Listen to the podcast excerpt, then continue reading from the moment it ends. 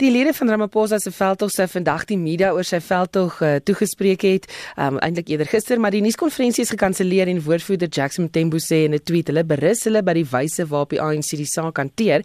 En as 'n mens kyk na hierdie latere nuusverklaring, uh, dan kry mense die indruk dat die party rondom Ramaphosa laer trek. Of hoe interpreteer, interpreteer jy dit? Ja, nee, ek, ek kan interpreteer dit dieselfde. Um, ek dink dit is na die laaste nasionale uitvoerende komitee vergadering het hulle nou begin konsolideer rondom president Ramaphosa. Ehm um, ek dink wat hulle probeer sê is is dat hierdie ehm um, dat wat hy doen uh, as sy taak as president is van so groot belang dat uh, hierdie eposse net 'n manier om aandag weg te trek ehm um, en eintlik in te neem um, en dit wat hy besig is om te doen.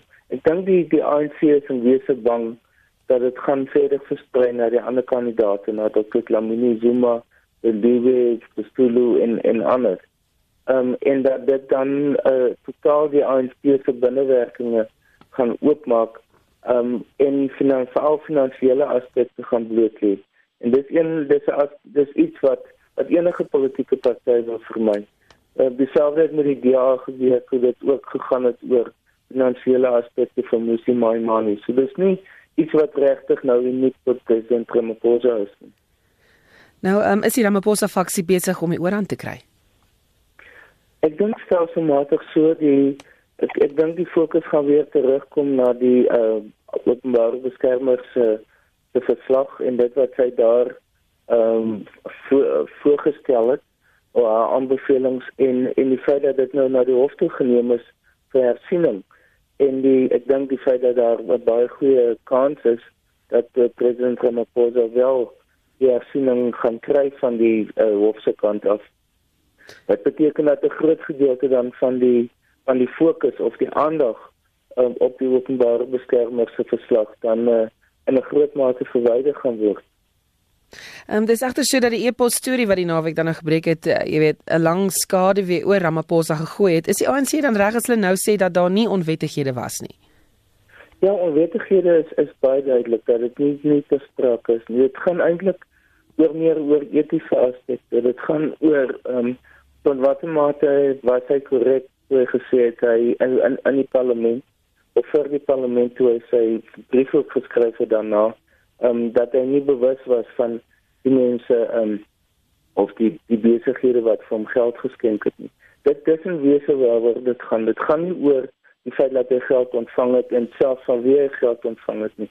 Byvoorbeeld die kwessie van geldwasery wat nou in openbare beskermer se uh, verslag te sprake is. Ek dink selfs vir 'n leek kan dit sien dat dit is dis nie korrek nie. Want geldwasery gaan nie net oor die skuif van geld tussen verskillende um, rekenings nie want dan is die meeste van ons eintlik almal skuldig aan geldwasery. Maar dit gaan oor of dit geld is wat bekom is deur kriminele optrede. Um, en dit is die werklike kern daarvan. Um, en dit weet ons dit is nie eens besproke nie. So die die in in 'n groot mate gaan dit nie oor uh, president uh, Ramaphosa se ontvangs van geld. Ehm um, dit dit gebeur was oor die wêreld. Dit weer nou op groot maat besig om te gebeur in Amerika byvoorbeeld. Dan sê die ANC ook dat hulle die saak by die vergadering van die nasionale uitvoerende komitee verlede week bespreek het. Hoewel die party nog nooit 'n beleid oor interne verkiesingsveldtogte gehad het nie, voel hulle daar moet nou 'n gesprek daaroor wees. Jou kommentaar. Ja, dit dit is definitief eh, ek dink baie belangrik. Ek dink in wese is dit ook van dit nou plaas in die konteks van die wetgewing wat uh, reeds aanvaar is oor uh, die befondsing van politieke partye en spesifiek van private bronne. Daar is ook nou 'n amendement wat bespreek is uh, in die wet wat oor die bevordering van toegang tot inligting in Engels en hulle die baie wetgewing wetgewing. Um, en dit verwys na presies dieselfde aspekte, maar maar net as dit gaan oor verkiesings, nie oor interne verkiesings nie. So daar is definitief 'n 'n rede uh, of 'n motivering hoekom daar gekyk moet word na interne prosesse binne politieke partye. Dan was daar gister ook 'n ander media verklaring, die keer van die voormalige kommunikasieminister Vyf Mutambi. Sy het gereageer op Joe Atlolwe se verslag oor die SAIK wat sy as hogwash of terwyl bog beskryf het.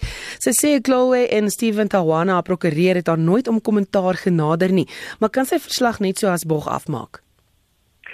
Ek dink op punt dat sy nie genader is nie, is 'n geldige punt. Ehm um, as dit werklik so was. Ehm um, ons weet almal dat uh, as daar ondersoeke is en self openbare ondersoeke baie spesifiek as dit gaan oor administratiewe optrede uh, wat alles hier te sprake is, dan moet 'n ander pers die persoon wat geïnteresseerd word in die situasie moet 'n kans hê om daar te kan antwoord.